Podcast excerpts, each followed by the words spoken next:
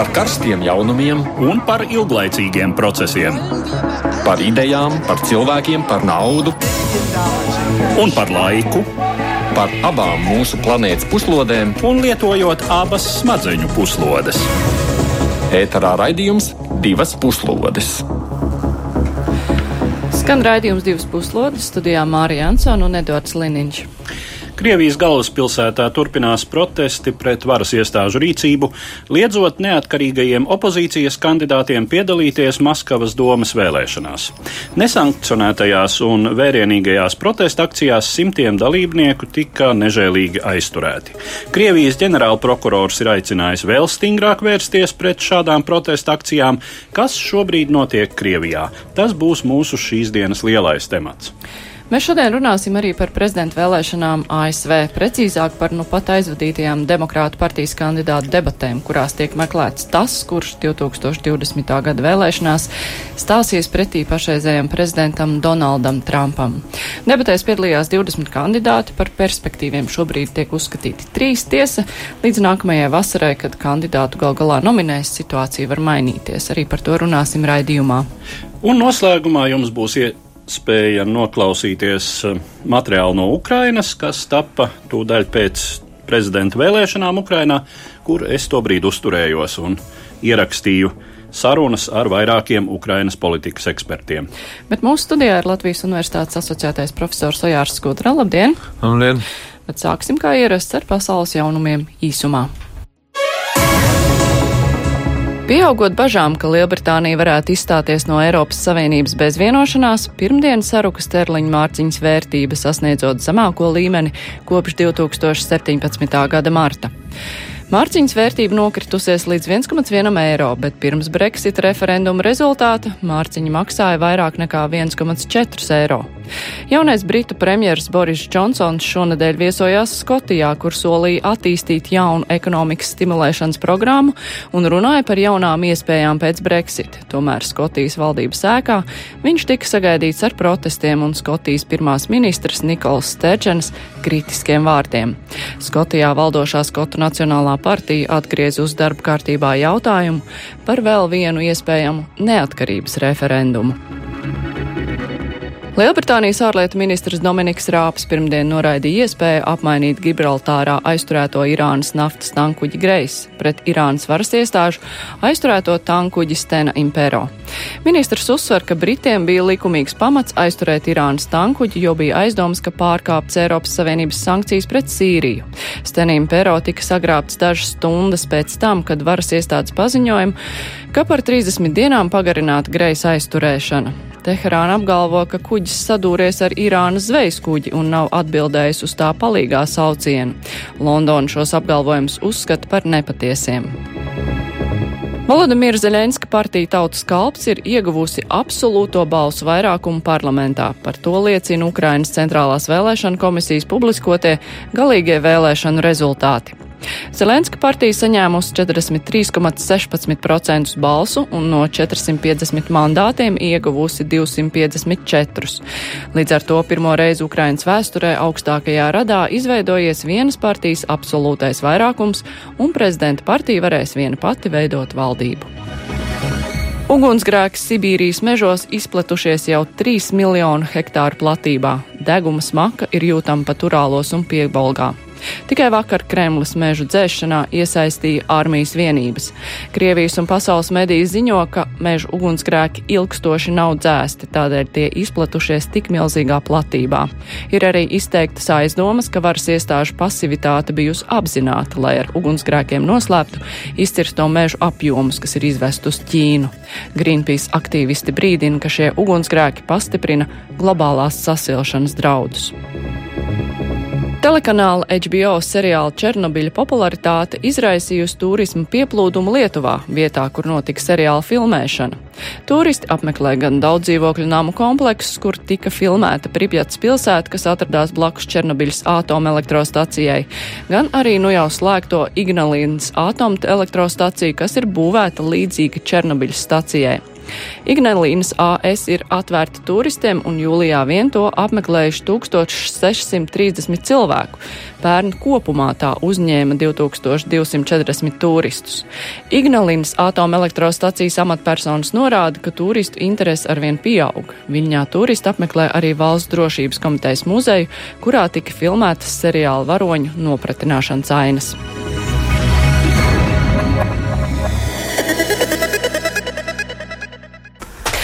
Jā, tātad turpinām ar sākumā pieteiktiem tematiem, un pirmais ir protesti Maskavā. Maskavas pilsētas domas vēlēšanas paredzētas 8. septembrī.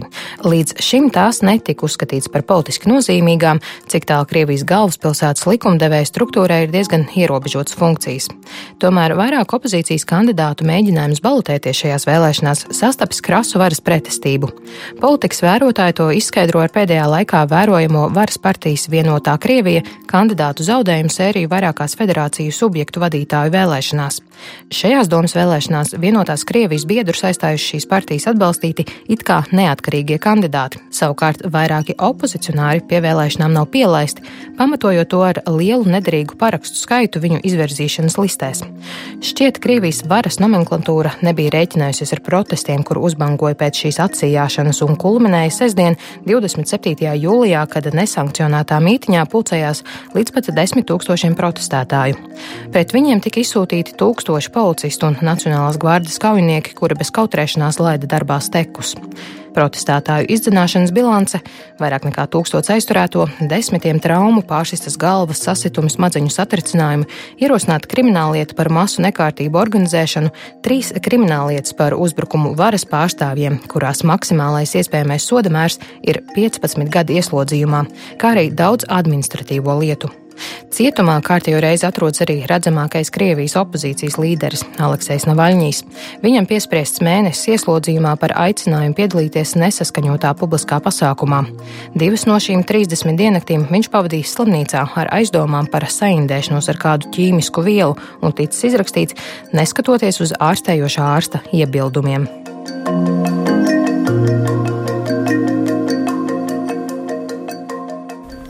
Jā, pēc tam, kad tika aizturēts žurnālists Ivans Golonovs, bija tās akcijas eh, gan Krievijā, gan arī ārpus, un viņu atbrīvoja. Daudz to uzskatīja, nu, tā ir liela demokrātijas uzvara, un ka, nu, varbūt būs tagad vārti vaļā cīņai par kaut kādām brīvībām, bet tas, kā tiek apspies protests Maskavā, parāda, ka nekas, protams, ka nebūs un ka skrūvis tiek piegriezts. Nu, kāpēc tik skarbi ir jāvēršas?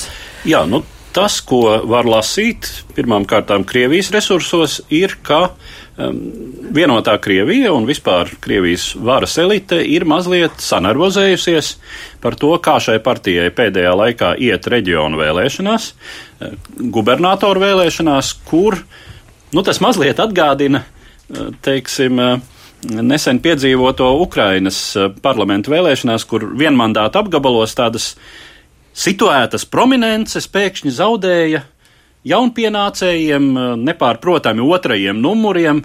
Un tas līdzīgi notiek Krievijā, kur ir tāda vietām tāda izjūta, ka jebkuru tikai nenovienotās Krievijas. Un tas ir tieši reģionos, un gandrīz vai tā, ka jo tālāk no centra, un jo šis reģions varbūt ir mazāk varas uh, resursu mīlestības apsildīts, jo šī tendence pamanāmāka. Nu, un uh, Maskava, kura tomēr ir centras galvaspilsēta un kurš šai pārstāvniecībai ir arī zināmā mērā simboliska nozīme, acīm redzot, no varas puses tiek uzlūkota kā vieta, kuru tā nevēlas atdot. Un, eh, jā, vēlreiz atkārtojot to, kas jau izskanēja ievadu tekstā, eh, vienotā eh, šeit šie kandidāti neiziet vēlēšanās ar vienotās Krievijas zīmolu. Līdz šim vienotajai Krievijai ir vairākums Maskavas valsts domē, bet tagad tie ir tā kā neatkarīgie kandidāti. Bet nu visiem ir apmēram skaidrs, kuri ir tie, kurus atbalsta vienotā Krievija. Un, un kāds no viņiem ir procesā atkāpies, jo ir izjutis opozīcijas negāciju un, un, un tā tālāk. Nu, un vara ir nolēmusi parādīt, kurš ir saimnieks un kur gan citur, ja ne Maskavā. tā to parādīs. Bet eh, šie te opozīcijas neatkarīgie kandidāti, nu tur tā paskatoties uzvārds, Ilja Jašins ir laikam tas vispazīstamākais. Viņš ir Ņemcova eh, domu biedrs, ilgstoši bijis, nu tā kā viņu vizuāli arī atpazīst. Bet, nu vai tiešām tas ir tāds drauds, tāda konkurence, viņam bija izredzes kaut kādas? Ne, es domāju, ka te ir uh, vesels problēmu komplekss. No vienas puses, protams, ir jāskatās uz tām problēmām, kas ir varas elitē. Uh, tātad Putinam pietuvinātā varas elite, kurā ir atšķirīgi grupējumi. Nu, tradicionāli tie ir tā dēvētie siloviki, jeb spēku struktūras ar FSB un iekšlietu ministriju priekšgalā, un viņi risina savas problēmas. Nu, un sazvērstības teorija saka, ka visi šie nemieri Maskavā tātad, kuriem būs turpinājums 3. augustā. Visticamākais, jo tā, tās, tā opozīcija nepieņēma tā savu pasākuma piedāvāto vietu. Saharova, es nezinu, kas tas ir prospekts vai prospekts. prospekts jā, Saharova prospektā atteicās no tā, un līdz ar to viņi tiksies kaut kur citur, kas būs kārtējais tātad pasākums, neatļautais. Uh, tad, eh, tad lūk, tā sazvērstības teorija saka, tā kā uh, Maskavas galva, mērs, uh, tātad Sobjaņins, uh, Sergejs Sobjaņins, tiek uzskatīts par iespējamo pretendentu uz valdības vadītāju amatu 2024. gadā saistībā ar tā dēvēto tranzītu, vai pat Krievijas prezidenta posteni arī tajā pašā 24. gadā. Līdz ar to, protams, uh, uh, ir viņa konkurenti, un, un tie konkurenti šajā gadījumā varētu būt no tām spēku struktūrām, uh, kuri izmanto šos notikumus, lai diskreditētu viņu kā konkurentu cīņā par vietu pēc 2024. gada, saka sazvērstības teorija.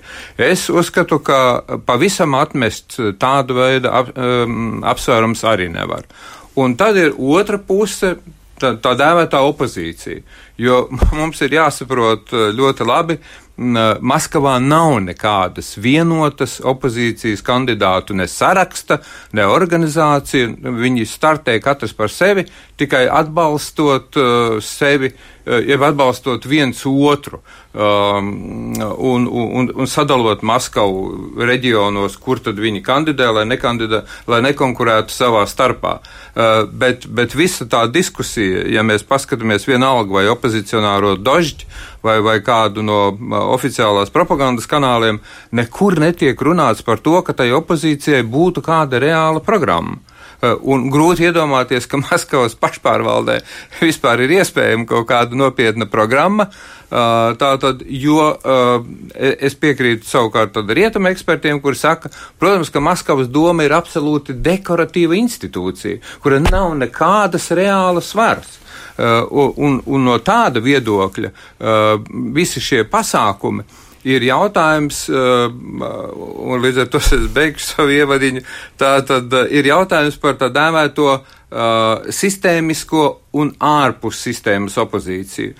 Tie opozicionāri, kurus tur tagad uh, krata, nopratina un arestē, uh, Viņi nevēlas pieņemt e, valdošās elites noteikumus un spēlēt pēc sistēmas noteikumiem. Viņi uzskata, ka viņi ir brīvi un viņi spēlēs pēc saviem noteikumiem, tas ir grib konkurēt. Uh, publiski, atklāti konkurēt, kaut gan man nav īsti skaidrs, kas tad ir tā programma. Jo vienotas programmas viņiem nav, tāpēc, ka viņi pārstāv ļoti dažādas politiskās organizācijas.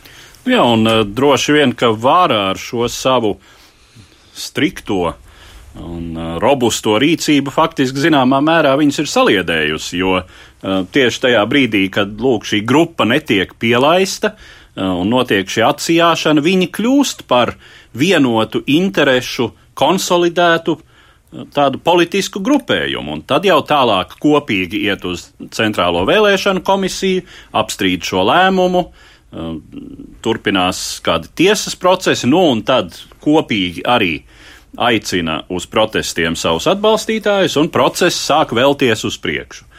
Nu, jāsaka, ka tiešām tajā visā ir diezgan daudz tādas eh, neizprotamas, līdz galam tiešām neizprotamas eh, varas eh, rīcības, lai gan droši vien kā Krievijas situācijā varai demonstrēt savu spēku un apņēmību, tas arī ir zināms leģitimizācijas instruments. Un, ja ir runa par to Krievijas sabiedrības daļu, kuru tradi tradicionāli vēl kopš Padomju Savienības pēdējiem gadiem dēvē par agresīvi paklausīgo vairākumu, agresīvna paslušanai baļšanstvo. Proti, tie ir cilvēki, kuriem patīk, kad vara tur sabiedrību vairāk vai mazāk dūrē, līdz ar to novērš viņiem nepatīkamas domas par to, vai viss valstī ir kārtībā, un vai mēs kaut ko nevarētu darīt labāk vai mūsu līdzatbildība tai visā nav. Tad, lūk, šiem cilvēkiem iespējams tā ir gaidīta un nepieciešama varas rīcība.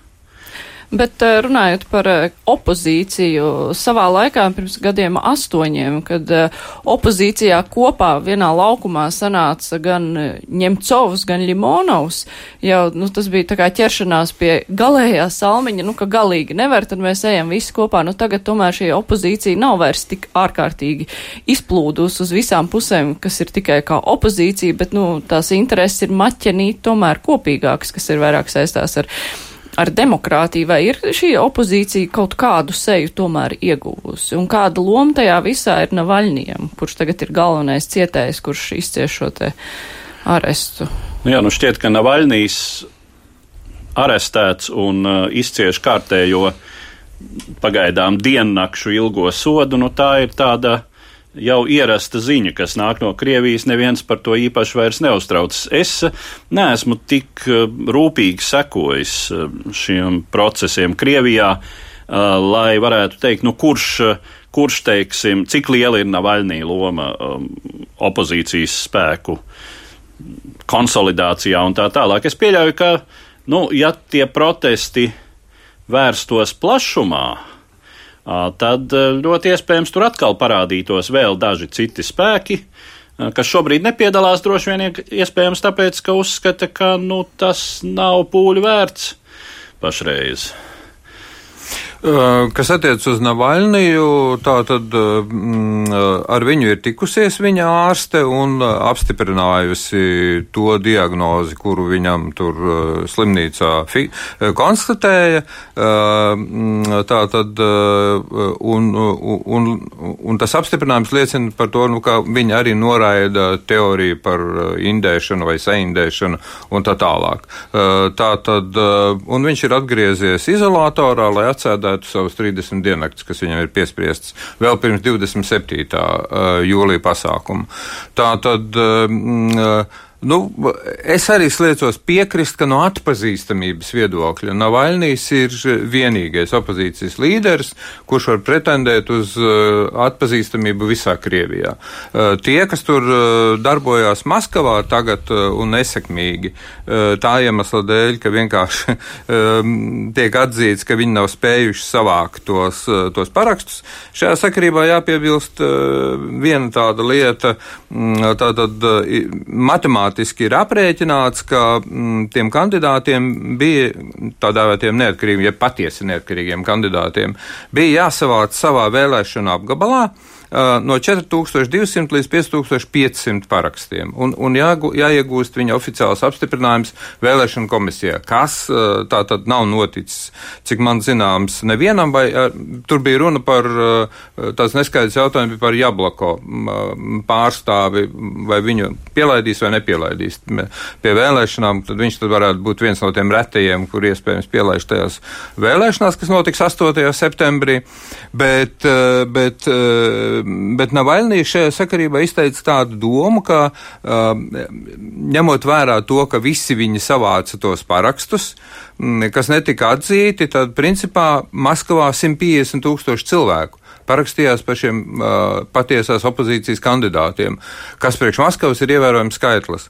Un, un, un pagaidām man personīgi šķiet ir neatbildēts tas jautājums, vai uh, šie notikumi, šī, šīs protesta akcijas uh, un šī prasība uh, īstenot demokrātiju patieso, no, nevis uh, spēlēt demokrātiju, uh, vai tā ir tikai Maskavas parādība. Uh, vai tā ir tikai jaunākās paaudzes parādība? Tas ir tie, kas dzimuši pēc 2000. 2000. gada un, un 90. gados, kā uzskata rakstnieki, eksperti, filozofi, politologi.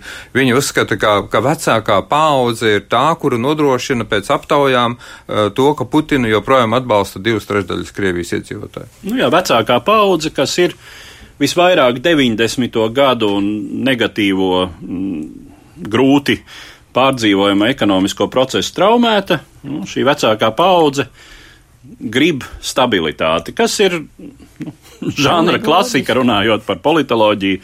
Tātad eh, cilvēki, kur ir piedzīvojuši salīdzinoši grūtus laikus, ir vairāk tendēti balsot par stiprās rokas politiķiem. Savukārt jauni cilvēki, kuri jau ir piedzimuši mm, šai laikā, dzīvojuši, viņiem tā ir bērnība, kas vienmēr ir saulaina. Uh, Nu, viņi skatās uz kādiem citiem pasaules piemēriem, jā, un šais demonstrācijās dominē, protams, do, dominē jauni ļaudis, un ne tikai tāpēc, ka jauni ļaudis mazāk baidās varbūt dabūt ar steku, tīri fizioloģisku apsvērumu dēļ, nekā mūsu vecuma cilvēki, bet arī tāpēc, ka, jā, viņi, viņi grib kaut ko citu, nu kā vienmēr Viņi grib dzīvot labāk nekā ir dzīvojuši viņu vecāki. Savukārt viņu vecāki vienkārši negrib dzīvot tik slikti, kā ir dzīvojuši pirms puķiem. Un iespējams, ka viņi ir arī kaut ko vairāk redzējuši no pasaules, jo Krievijai vispār ir ļoti bēdīgi ar eh, došanos ārpus Krievijas, bet uh, tieši nu, jaunākā sabiedrības daļa.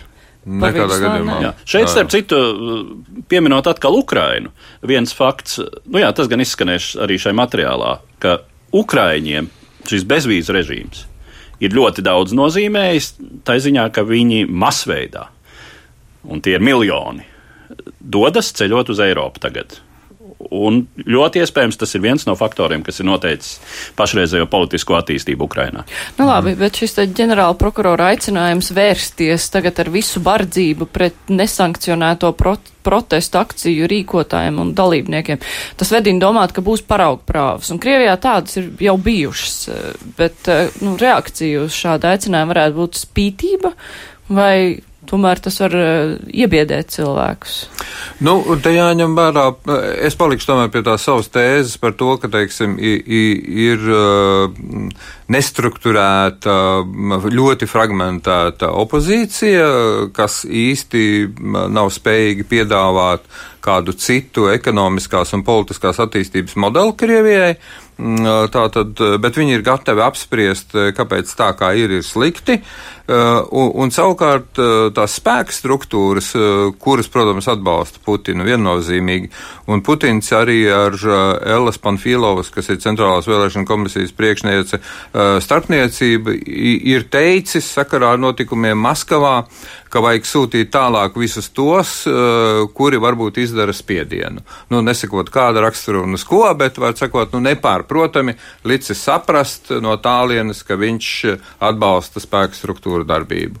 Un, un, un Elas Panfilovas un Centrālās vēlēšana komisijas un Maskavas vēlēšana komisija darbību attiecībā pret opozicionāriem. Tad lūk, tām spēka struktūrām ir bail no kā? No tādās krāsainās revolūcijas. Uh, un, un tas, kas notika Ukrajinā, brīvas vēlēšanas Ukrajinā, tur 22 partijas vai cik tur to partiju piedalījās, visdažādākās, ieskaitot prokrieviski, atklāti prokrieviski, kas uzstājās pret dalību Eiropas Savienībā, pret dalību NATO, kas ir oficiālā Krievijas prasība Ukrajinai. Uh, tā tad uh, šīs spēka struktūras ir, ir pārbijušās redzot to masveidīgumu. Un, un es piekrītu tiem, kuri saka, ka tas, kas visvairāk spēku struktūras pārsteidza, bija šo, eh, šis cilvēku lielais skaits, kas piedalījās 27. jūlijā pasākumos, eh, un, un līdz ar to viņus pārbiedēja. Un, un, un viņi sāk meklēt eh, esošus vai nēsošus pierādījumus tam, ka, ka rietumi X eh, subsidē kādas organizācijas, kuras gatavo eh, oranžo vai vienalga kādu citu krāsaino revolūciju Krievijā. No tā viņiem ir vienkārši dzīvnieciskas bailes. Nu, un te, protams, ir vēl viens moments, un tas ir fons, un šajā gadījumā tas fons ir liesmojošā taiga Sibīrijā, kas uh, ir vēl viens moments, kur ir izpaudusies Krievijas varas nu, ļoti zemā organizatoriskā kapacitāte, kur ir parādījies jau kopš Padomju Savienības laikiem zināmais motīvs labāk neziņosim, labāk nesāksim plašas akcijas, lai tā sacīt neceltu paniku. Varbūt Černobiļu. Jā, nu apmēram tā, jā. Varbūt, ka nodzisīs pats. A pats zina nenodziest un tikai deg ar vien vairāk, un tad, kad jau, eh, teiksim, pāris nedēļas kādos ciemos un mazpilsētās Sibīrijā gaiss ir tā piedomāts, ka grūti elpot, eh, tad tad jau ir tā kā drusku par vēlu, bet, bet tad arī, teiksim, pamatā enerģija vietējām varas struktūrām tiek vērsta uz to, lai nesaceltu ap to pārāk lielu troksni, lai tad turētu žurnālistus vajadzīgajā attālumā, neļautu tam izpausties sociālajos tīklos, nu, kas ir tādi vārgi, nu, ab, absolūti teiksim, neīstenojama misija, ja kaut kā mūsdienās. Versija, ir jau versija par to, ka speciāli netika dzēsts, lai varētu nomaskēt, eh, cik liela meža apjoma ir izcirst un izvest uz Ķīnu. Nu, tā arī, ir. Bet, arī motīvs. Ne, bet, bet, bet ir arī versija par to, ka tās ir bijušas ļaunprātīgas dedzināšanas, uh, ko es personīgi neizslēdzu, uh, kas varētu būt saistīts ar krimināliem elementiem un, un kaut kādu kriminālo organizāciju cīņu par ietekmi attiecīgajos reģionos, kas man ir bagāti ar koku materiāliem, tik tiešām. Un Donalds Trumps ir piedāvājis savu brālīgo palīdzību dzēšanā, redzēsim, vai pieņems. Bet šīs te, šie ekoloģiskie jautājumi bieži vien mēdz būt arī katalizators jauniem protestiem, ja mēs atceramies šīs te atkrituma problēmas Piemaskavā, kur arī cilvēki gāja protestēt. Nav atrisināts līdz galam. Un tas nav atrisināts, bet protesti pret Jā. protestas izraisa. Un ekoloģiskās problēmas, nu, ja mēs atceramies vēsturi, bija viens no ļoti nozīmīgajiem faktoriem arī visā protestu kustībā, kas galu galā noveda pie Padomju Savienības sabrukuma. Un teiksim, tas ekoloģiskais nihilisms, kas valdīja Padomju Savienībā, nu, faktiski visā tās pastāvēšanas laikā. Un, ekoloģija ir grūti atspēkot, jo, nu, ja tas mežs deg, ja tas ūdens ir smirdīgs un indīgs, un, un tā tālāk, un tā tālāk. Nu, tur nevar pateikt, ka. Vai nu ir ļoti grūti pateikt, ka Obama ir to upīti, piedodiet, piekakājis. Ja? Tomēr ļoti ātri nonāk līdz tai rūpnīcai, kuras caurule tur to dara. Nu jā, un ja padomju laikos, kad informācijas apmaiņa nebija tāda, tad degošie Sibīrijas meži varbūt par to ne, vairums neuzzinātu. Tagad internetu laikmetā mm. visi uzzina. Nu, internet laikmets, internets mūsu laikos vienkārši aizpilda to lomu, kuru toreiz aizpildīja centrālais baumbirojs, kas arī diezgan ātri, respektīvi no mutes mutē šīs ziņas jau nonāca. Un arī par Černobiļu tādā veidā informācija izplatījās. Ja, teiksim, bērniem sāk kaut kur Baltkrievijas vidienē izkrist mati, tad Rīgā to ļoti ātri uzzināja. Jā, vērosim, kā attīstīsies notikumi arī šajā nedēļas nogalā, bet tagad turpināsim ar ASV vēlēšanām un demokrātu debatēm. 2020. gada Savienoto valstu prezidenta vēlēšanu maratons ir sācies. To iezīmē Demokrātu partijas prezidenta amata kandidātu debates, kuru otrais cikls 30. un 31. jūlija vakarā, attiecīgi vēl naktī pēc Latvijas laika, risinājās Mičiganas štata lielākajā pilsētā Detroitā. Debatēm jākalpo par orientieru partijas locekļiem un atbalstītājiem, izvēloties to līderi, kurš nākamajās vēlēšanās mērosies spēkiem ar esošo prezidentu no Republikāņu partijas Donaldu Trumpu. Detroitas debatēs iezīmējušies divi vairāk vai mazāk noteikti demokrātu partijas strāvojumi, kurus mēdz dēvēt par progresīvajiem un mērenajiem. Pirmajiem raksturīga kreisāka sociālā programma, kuras centrā ir vispārēja veselības apdrošināšanas pieejamība un liberālāku imigrācijas noteikumu aizstāvība. Kā spilgtākās figūras progresīvo flankā šobrīd izvirzījušies senatori Bernijs Sanders un Elizabete Vorena. Savukārt viņu nozīmīgākais konkurents mēra no nometnē ir senators un bijušais Baraka Obamas kabineta viceprezidents Joe Bidenis.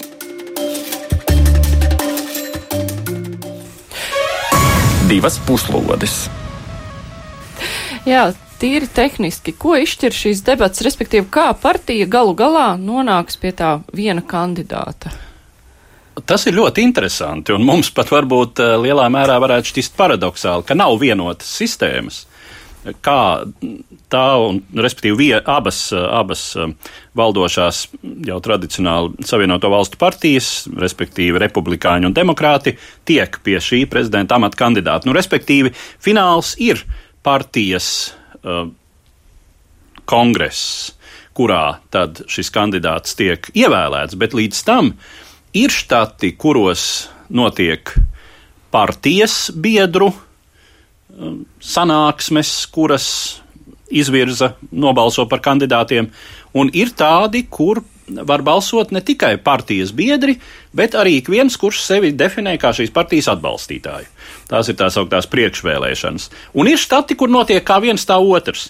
Eh, nu, tas ir tas, ko, ko tā elementāri var izlasīt. Es šai sistēmā neesmu īpaši iedziļinājies un uh, nezinu, kad varēšu piespiest to, to arī izdarīt, jo tas vispār šķiet uh, nu, diezgan grūti iztēlojams process, bet nu, tāds tas šajā vecākajā no šobrīd pastāvošajām planētas demokrātijām ir. Bet kāpēc ir tik garš priekšvēlēšana process? Nu, tur paiet vairāk nekā gads, kamēr nonāk līdz tam vienam kandidātam. Jā, nu, um, teiksim, nu es nedomāju, ka, ka tas, tas procesa garums ir atkarīgs no, no, no skaita. Var sakot, um, finišs ir nākamā gada jūlijā. Demokrātu partijas konventā, un aptuveni ap to pašu laiku būs arī republikāņu konvents. Tur mēs varam nešaubīties, ka Donalds Trumps būs kandidāts un viņš kandidēs atkārtoti. Tā tad apmēram gadu pirms Nacionālā konventa sākās šīs diskusiju un atlases process. Tā tad, un, un šogad nu, tā galvenā atšķirība manā uztverē ir tā, ka, ja, ja salīdzinām ar 16, ja teiksim, tagad būtu jāsaka ar 15. gadu, ja ņemot gadu, gadu pirms vēlēšanu gada, tā tad, salīdzinot ar 15. gadu, ir nesalīdzinām vairāk pretendentu, Um, ko acīm redzot, var izskaidrot uh, ar partijas vadības vēlēšanos visticamākais uh, noskaidrot uh, iespējami plašās diskusijās, pielaižot vis visādus kandidātus, visādus pārstāvis, visādu uzskatu pārstāvis, reliģiskās piedarības pārstāvis un tā tālāk un tā tālāk. Tur ir gan Irākas kara veterāni, gan visādi citādi tie kandidāti un, un ļoti dažādi pēc savu vecumu.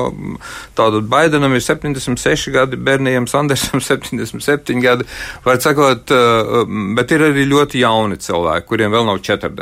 Jā. Tā kā var sakot, tas varētu būt viens mērķis - mobilizēt pašu partiju un tās piekritējus. Uh, un, un, protams, ka šī procesa rezultātā tiek noskaidrots, kas tad būs tas īstais vilcējs nākamajā gadā. Um, jo iespējams, ka um, tajā konventā būs nevis viens, bet, bet vairāk. Es pieļauju, divi, trīs varētu būt, pat varbūt, kuri tur tik, tiks tik tālu. Bet, bet tas starpfinišs nākamais ir šā gada septembris, kad būs nākamā diskusiju, nākamais diskusiju rauns, un ir viens, un ir divi nosacījumi. Visiem, kuri grib piedalīties šajā septembra diskusiju raundā, ir jāsaņem vismaz 2% e, piekritēju atbalsts četrās nacionāla mēroga aptaujās līdz tam. Tātad četrās aptaujās katrā 2%. Un tas ir skaidrs, visi prognozē, paliks pāri 10 vai 7, um, kas ir ļoti ticami. Un ir otrs nosacījums ikvienam no šiem, kuriem būs tie 2%, ir vēl otrs nosacījums.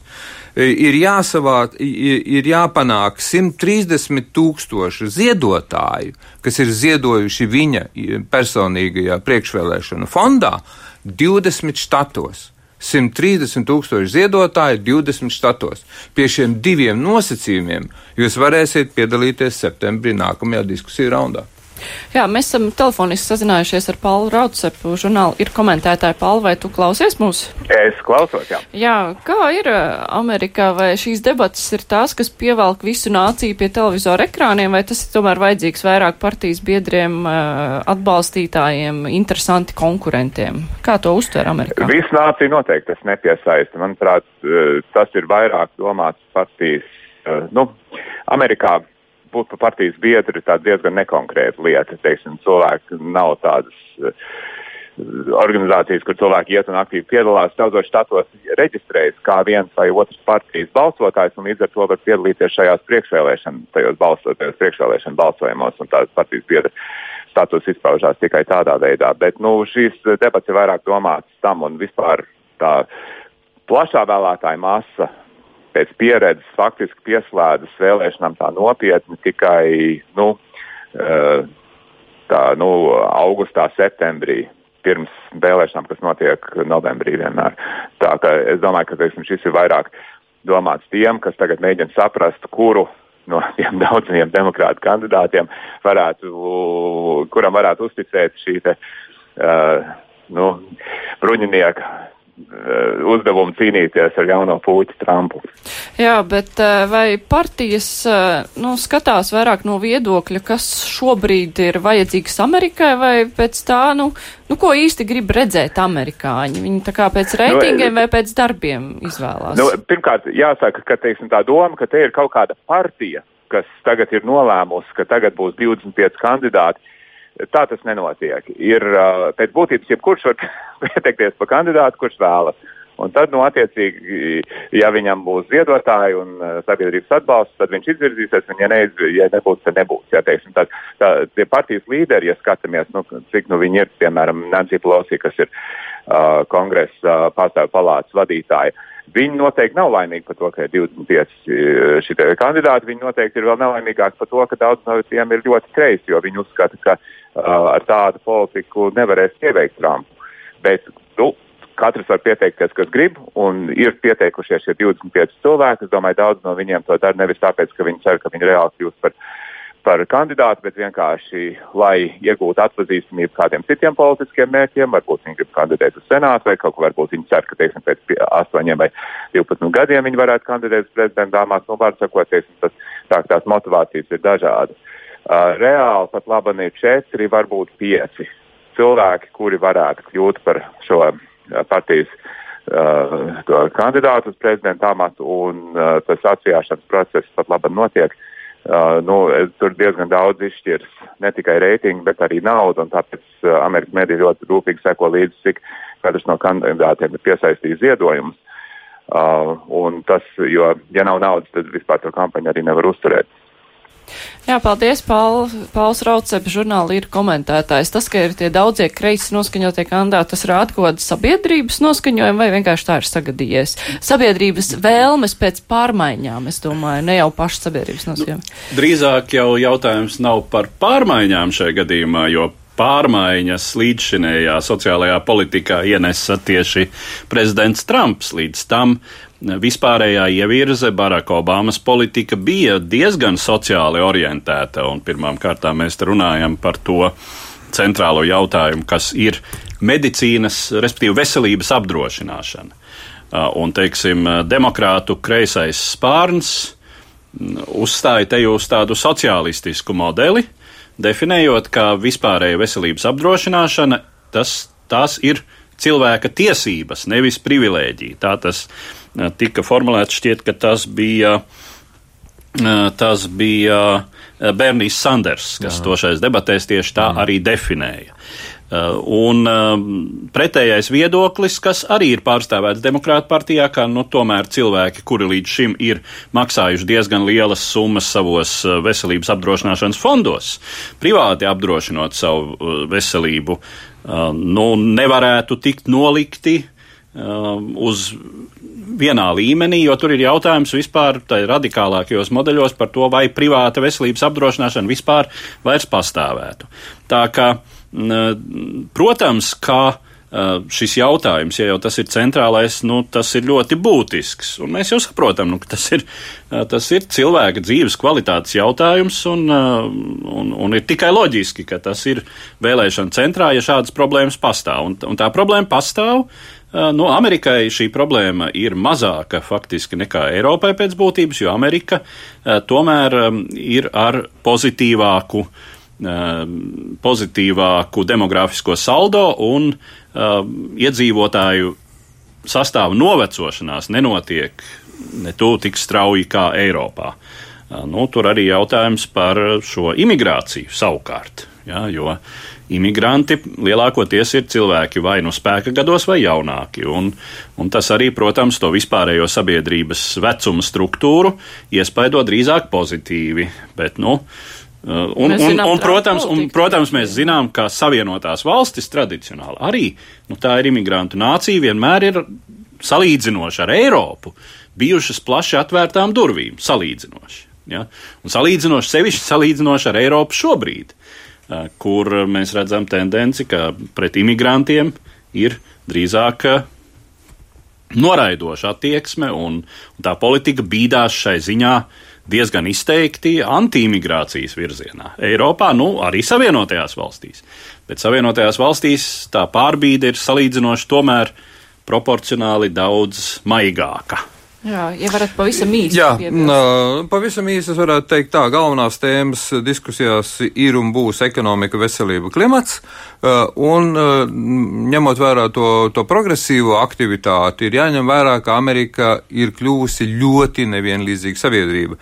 Vienam procentam ASV iedzīvotāji pieder 49% nacionālās bagātības. Tas nozīmē, ka pieprasījums pēc kaut kā kreisāka sabiedrībā tomēr varētu būt. Es saku paldies. Mūsu studijā šodien bija politologs Ojārs Skudra. Mēs vēl turpināsim ar ierakstu, ko Eduards ir atvedis no Ukrainas, kas ir sagatavots pēc notikušajām Ukrainas parlamenta vēlēšanām par jaunākajām politiskajām prognozēm un to, kā varētu situācija attīstīties. Tagad klausāmies ierakstu.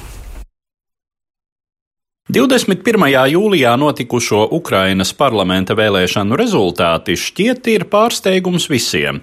Tā skaitā šo ārkārtas vēlēšanu iniciatoram, aprīlī ievēlētajam Ukrainas prezidentam Volodimiram Zeļenskim, tautā bieži dēvētam vienkārši par Z. Partija Tautas kalps, kas tapusi kā Z un viņa tuvāko domu biedru politisks projekts, tagad ieguvusi vairākumu parlamentā, kas tai ļauj veidot vienpartijas valdību. Vēl pārsteidzošāki par nepieredzēti pārliecinošo uzvaru partiju sarakstu konkurencē ir Tautas kalpa kandidātu panākumi vienmandātu apgabalos, kur tie pieveikuši daudzas vietējās prominences, kas ieradušas šeit saņemt mandātu jau vairāk vairākus vēlēšanu ciklus no vietas. Faktiski var teikt, ka Ukraina vienā rāvienā nomainījusi lielāko daļu savas līdzšinējās politiskās elites. Kas mudinājis Ukraiņu vēlētāju šādai rīcībai? Tas bija viens no jautājumiem, kuru uzdevu Ukrainas politikas ekspertiem nedēļā pēc vēlēšanām uzturoties Kievā. Vispirms ekonomikas eksperta, Ukrainas analītiskā centra ekspertīzes un analīzes padomes vadītāja Borisa Kušņiruka viedoklis. Очевидно, что э, наложилось несколько факторов. Ir acīm redzami, ka te sakrituši vairāki faktori. Es jau daudzus gadus nodarbojos ar ekonomisko un politisko analītiku, un jau ap 2008. un 2009. gadu es runāju un rakstīju par to, ka ap 2020. gadu ir jānotiek elites nomaiņai. Es to laiku nezināju, kā tas notiks, bet skaidri sapratu, ka tam jānotiek. Otrakārt, mēs taču visā pasaulē novērojam procesu, kurā klasiskās politiskās elites, kurām ir it kā pareizas tēzes, pareizi politkorekti oratori, tās negaidīt visā pasaulē zaudē. Negaidīti, nosacīti sakot, jo var konstatēt, manuprāt, nepārāk pozitīvo procesu, ka politika un viss, kas ar to saistīts, galēji primitivizējas. Primitivizējas uzvedība, pie kam no divām pusēm. Iedzīvotāji kļūst ar vien maz izglītotāki, viņi manām mazāk lasa. Arī politiskā elite mazāk lasa. Ukraiņas politiskajā elitē tas ir pamanāms, jo viņiem pat nāks grūti izlasīt tos likumus, kur viņiem tiek uzrakstīti priekšā. Un, ja tāda ir elite, tad iedzīvotāji ir vēl mazāk uz ko tādu spējīgi. Un šis process nav tikai Ukraiņai raksturīgs. Mēs te tikai nosacīti sakot, iekļaujamies globālajā tendencē, kur diezin vai var nosaukt par patīkamu vai pozitīvu, taču tā ir acīm redzama. Plus tas pārklājas ar valstiskuma tradīcijas, institucionālās atmiņas trūkumu, ar patstāvīgas no politikas neatkarīgi funkcionējošas valstiskas birokrātijas trūkumu. Vēl tas viss saistās ar divām svarīgām niansēm. Pirmkārt, aktīvu Krievijas propagandu līdzšinējās varas diskreditācijai, masīvu un ar diezgan pareizi būvētu vēstījumu. Teiksim, vara negrib izbeigt karu, jo iedzīvojas uz kara rēķina. No otras puses parādās oligarhijas problēma. Praktiski visi oligarhi izrādījās zaudētāji no līdzšinējās varas. Viss oligarhāts izrādījās neieinteresēts šīs varas pastāvēšanā. Tas bija manāms telekanālos, kas joprojām ir galvenais informācijas avots. Turpat nebija tiešas Porošenko kritikas, bet kad viena programma pēc otras viež domu, ka dzīve kļūst arvien sliktāka, lai gan normāli statistikas dati to neapstiprina, un ar to tu saduries no dienas dienā, no reizes reizē. Tu ej uz dažādām studijām, dažādos telekanālos, kuriem ir dažādi īpašnieki, bet visur praktiski redz, kā tiek manipulēts ar pilsoņiem. Разные собственники, но практически ты видишь, как откровенно манипулируют гражданами. Citus akcentus notikušā skaidrojumam liek vēsturnieks un neatkarīgais producents Rostislavs Martiņuks. Ну, на самом деле, кризисом политической элиты, так называемой, Patiesībā tas viss ir skaidrojams ar mūsu tā sauktās politiskās elites krīzi un to, ka mēs nenovērtējām ukraiņu vēlētājus, kuri acīm redzami netaisījās nodarboties ar pašnāvību, bet izvēlējās šādu radikālu šī pašas elites atjaunošanas ceļu, kas varbūt pat ir Ukrainas PSR pabeigšanas ceļš. Jo no divām pusēm mums tuvojas krīze izpratnē par to, kas tad ir šodienas Ukraina. Patiesībā nevienu neapmierina tas, ka 1900 1991. gadā nebija Latvijas varianta, kad tiktu pateikts, ka no 1921. līdz 1991. gadam te bija okupācija. Mūsu gadījumā Ukrainas PSR, faktiski okupācijas zona, sevi vienkārši pasludināja par neatkarīgu no Maskavas. Tas bija tāds visai aplams moments. Iespējams, 1991. gadā arī vienīgais iespējamais, taču tas saglabāja daudzus elementus, kuri nāk no padomju sistēmas. Piemēram, pie mums joprojām pastāv tāds institūts kā kara prokuratūra. Protams, tie, kas tagad atnāca uz vēlēšanām, nobalsoja vienkārši par kaut ko zaļu, kādu no name, bet tie jau nav politologi, kuri pieņem tādus pārdomātus un precīzi mērķētus lēmumus. 2014. gads, Maidans, karš pret Krieviju, tam visam pamatā bija doma par fundamentālu pašas Ukrainas valsts būtības maiņu.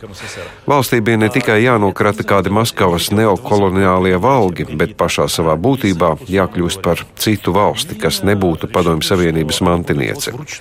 Politiskā elite nevēlējās uzņemties šo izaicinājumu. Tad, nu, apakšas, nosacīti sakot, izlēma, ka tās savām rokām tā rupji un vienkārši virzīs šo valsti, lai tā kļūtu nevien vārdos, deklarācijās, demagoģijā, bet gan patiesi valsts, kas domāta pilsoņiem. Es domāju, ka ja mēs raugāmies no pozitīvās puses, tad šai vecajai un joprojām mutējošai bolševistiskajai valstī ir jāmainās. Pats Porošenko, panākot bezvīzu režīmu, veica Ukraiņu iedzīvotāju masai pēdējo injekciju izpratnē par to, kas ir Eiropa. Šobrīd septiņi miljoni ukrāņu tur strādā, un šo trīs bezvīza režīmu gadu laikā Eiropas Savienība ir apmeklējuši 20 miljoni cilvēku. Pie tam no paša pieredzes es zinu, ka rajona mēroga pilsētās ar 10 līdz 30 tūkstošiem iedzīvotāju praktiski visi jaunieši ir ceļojuši vismaz uz nedēļu tālu tālu uz rietumiem. Tur viņi ir redzējuši, ka viss darbojas citādi. Un viņi redz savus vecākus, kuri jau veselu paudzi, 30 gadus, ir nodzīvojuši, un viņu dzīvē nekas īpaši nav mainījies. No vienas puses, bažījoties pašreizējā situācijā par valsts pastāvēšanu, es tomēr saku, ka Ukrainā ir ļoti spēcīgs impulss virzīties nevis uz Maskavu, nevis uz anarhiju, bet gan meklēt ceļus, kā šo Ukrainas PSR nolemtību pārveidot par kaut ko citu, ko katrs gan iedomājas pa savam. Par savu Ukrainas sapni. Pats svarīgākais, kas pašlaik notiek, ka cilvēki pat kara apstākļos ir gatavi tā riskēt.